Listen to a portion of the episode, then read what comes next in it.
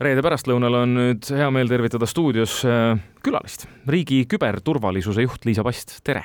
tere! ilusat reede pärastlõunat! sullegi ja millest muust kui Tiktokist no, ei ole kohane vahetult enne nädalavahetust rääkida. aga tegelikult on, sellepärast et kui me mõtleme selle peale, milline on inimeste tänapäevane meelelahutus kodus, kes ei taha välja minna, siis ma olen üsna veendunud, et õhtul enne magama minekut on neid inimesi, kes võtavad oma mobiiltelefoni kätte ja scroll ivad Instagrami, Facebooki või ka Tiktoki omajagu, ehk siis ma arvan, et see on selline õhtune meelelahutus väga paljude jaoks.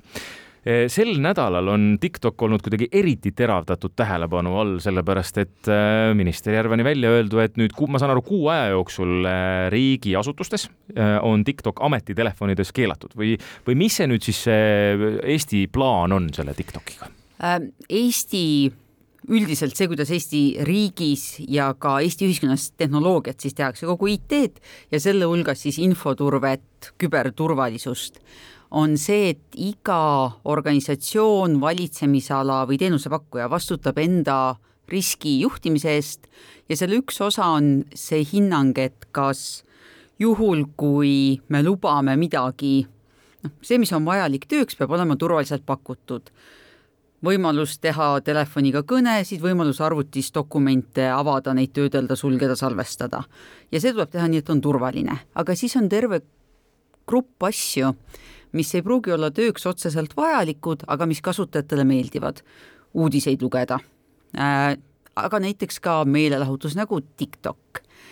ja siis Eestis need, kellel on keskselt hallatud töötelefonid riigiasutustes, mis ei ole mitte kõik ametnikud mm -hmm. ja mis ei ole mitte kõik riigiasutused, järjest eh, siis need IT-majad, kes pakuvad keskhallatud töötelefoni, on andnud eh, telefoni, maksavad selle kinni, eh, on järjest teinud neid riskiotsuseid, et TikTokist saadav võimalik kasu kasutajale ei ole väärt riski siis andmetele, privaatsusele, turvalisusele ja TikTok ei ole fundamentaalselt hädavajalik selleks, et äh, teha tööd nende kasutajate puhul. Äh, lisaks sellele ei ole see küsimus ju ainult te äh, telefoni rakenduses, samamoodi käib jutt ka veebis selle sisu kasutamisest, mis samamoodi on siis nende nunnult kõlavate küpsistega mm, -hmm. mis tegelikult, olgem ausad, on siis jälitusskriptid ehk koodijupid, mis jälgivad kasutaja tegevust, et see oleks võimalik analüüsida, et need noh, kui kasutaja ei maksa sisu eest, siis maksab keegi teine kasutaja andmete eest, on lõpuks ärimudel, olgem aus, meelelahutuslehtedel eriti.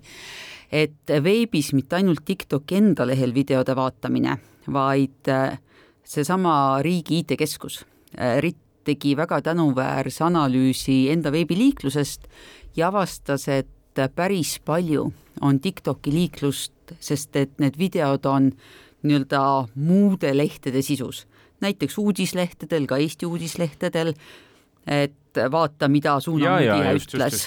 äh, ja samamoodi ka teistel sotsiaalmeedialehtedel, aga see tegelikult on ju siis nii-öelda näiteks ühe Eesti uudislehe uudisteportaali lehe sees on justkui digitaalne raam, mille sees mängib TikToki sisu. ehk siis see on palju komplekssem, et küsimus on selles, et kas me sellisel juhul peaksime ära keelama ka näiteks äh, riigiametnikel, ma ei tea, Postimehe ja Delfi vaatamise äh, see, mida tehakse, on TikToki spetsiifiline liiklus, äh, siis näiteks riigi IT-keskuse näitel ja nemad on otsustanud seda piirata oma kasutajate ehk siis, ma küsin veel kord, piltlikult öeldes, see tähendab seda, et kui nüüd riigiametnik, kus on riigiametis tõesti TikTok näiteks keelatud, ta läheb Postimehesse või Delfisse, siis tema ei näe seda TikToki videot, mida ajakirjanik on justkui jaganud seal edasi või?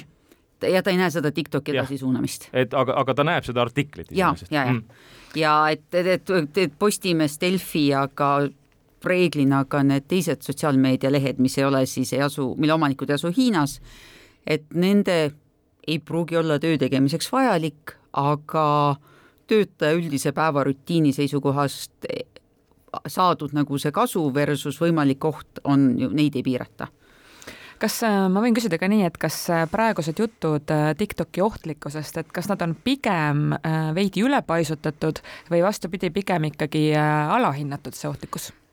no me teeme neid otsuseid nii riigi kui ühiskonna ja ka organisatsioonide, lõpuks igaüks oma pere tasandil ju mingi sellise riski ja ohuhinnangu pealt.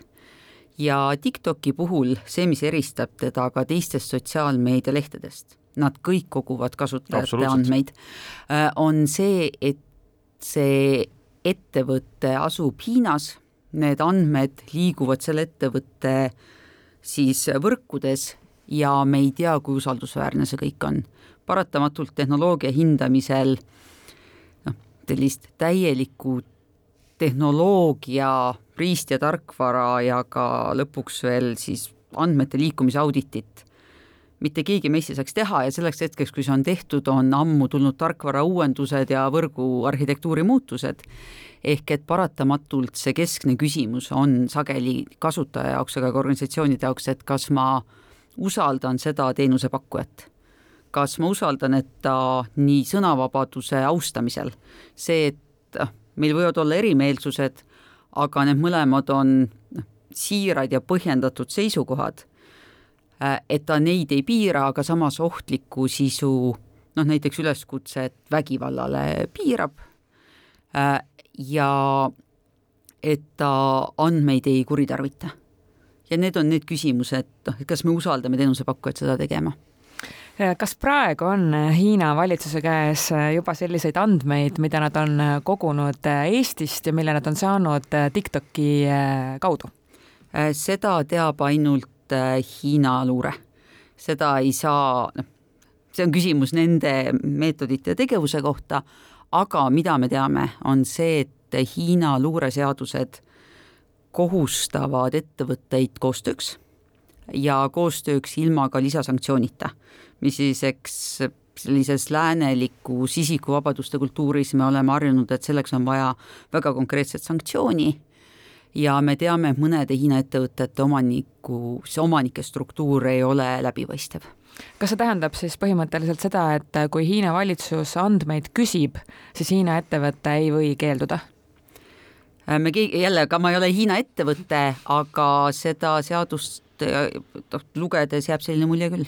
aga miks ju kardetakse, mida, mida siin ka mujal maailmas on toodud põhjuseks, on ka see, et me ei tea täpselt ju, mismoodi ka seesama rakendus TikTok, kuidas ta sinna vahele oma nii-öelda noh, desinformatsiooni võib paigutada, sest et algoritmid soovitavad ju meile tavaliselt seda, mis meile meeldib ja ja tänapäeval on jube keeruline juba ka noh, sotsiaalmeedias eriti see vahet teha, mis on tõde ja mis on vale, sest ma just täna vaatasin ka, on tulnud teade selle kohta, kuidas Donald Trump äh, nüüd äh, ilmselt teisipäeval ootab teda ees juba arreteerimine, et juba on pildid, mille on ai loonud, mis näevad väga usutavad välja sellest, kuidas Donald Trumpi arreteeritakse. ja siin sa teed väga õigesti kahel asjal vahet, üks on see algoritmi enda ehk et ta viib meid kohta, kus meil on mugav ja kus me tahame rohkem ja rohkem ja siis uus info või nagu vastuoluline info ei ole üldiselt inimese jaoks mugav, eriti nagu sa viitasid reede õhtul rahulikult kodus scroll ides mm. -hmm ehk et üks osa sellest on tõesti see, et ta nagu, kui kaugele sohu võib ta viia või nagu noh,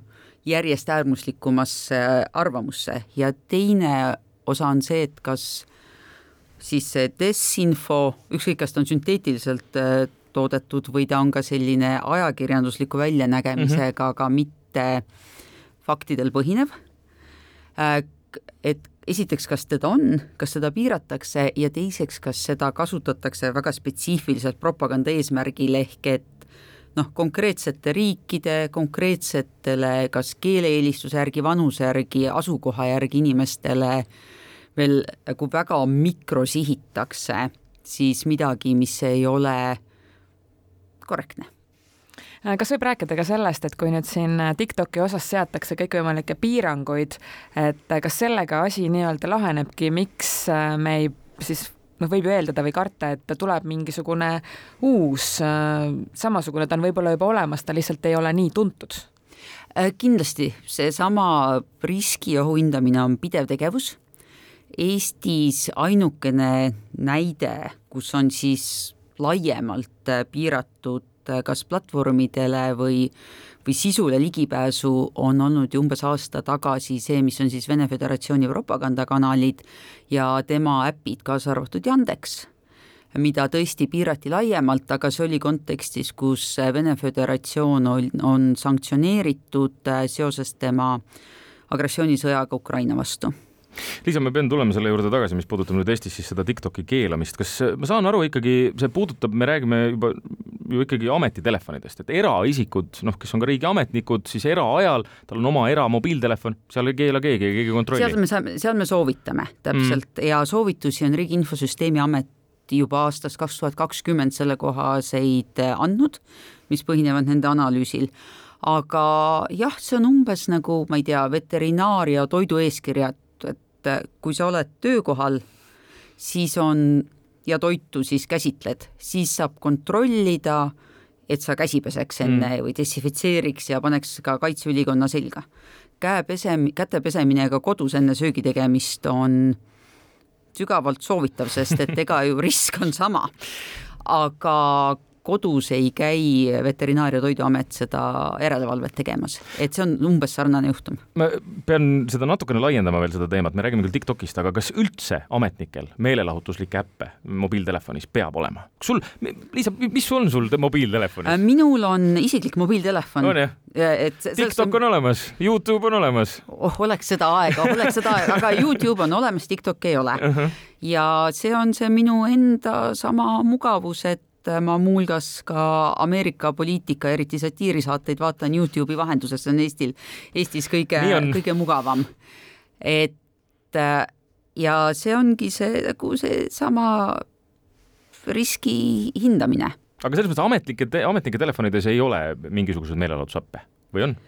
Äh, see oleneb on jälle iga IT-maja, kes, kes kaldab, on seadnud need Oma reeglid, reeglid ise mm. -hmm ja üldiselt see selline põhimõte on see, et kui, mida kangem mida rohkematele töistele asjadele saad selles telefonis ligi, näiteks kui sa ka dokumendihaldusele saad ligi, seda piiratum on see, mida muud sa saad teha. et jälle see näide, kui sa saad ligi ka dokumendihaldusele, siis on nii-öelda nimekiri turvalistest rakendusest, mida sa saad kasutada, äh, noh, riigi enda rakendused, töise, töiselt vajalikud rakendused uudised, noh, need, mis on see, et sul päris nagu see digitaalne eluviis siis oleks takistatud äh, uudisterakendused, mõned kaardirakendused, parkimisrakendused, noh, sedasorti asjad. Mm.. kui sul on nii-öelda lahjem turbeprofiil, ehk sa saad vähemale ligi, siis selle võrra võib olla see profiil ka nii seatud, et on siis keelatud rakendused, noh, alates nendest, mis on seotud äh, täiskasvanute reproduktiiv- tegevuse no. dokumenteerimisega või sellekohase meeletusliku sisu vaatamisega ja mis on muuseas koht, kus liigub väga palju ka nagu pahatahtlikku sisu, tehniliselt pahatahtlikku sisu mm, -hmm. sest et inimene võib-olla sellel hetkel ei ole nii hoolas. Aga lõpetades samamoodi siis äh, noh, arusaamatut päritolu või otseselt ka turvaintsidentidega seotud rakendustega aitäh tulemast meile täna külla, riigi küberturvalisuse juht Liisa Past ja õhtul siis, kui nüüd äh, koju lähete, siis äh, mõelge korra enne, kui te võtate selle Instagrami, Facebooki või TikToki lahti. aitäh! aitäh!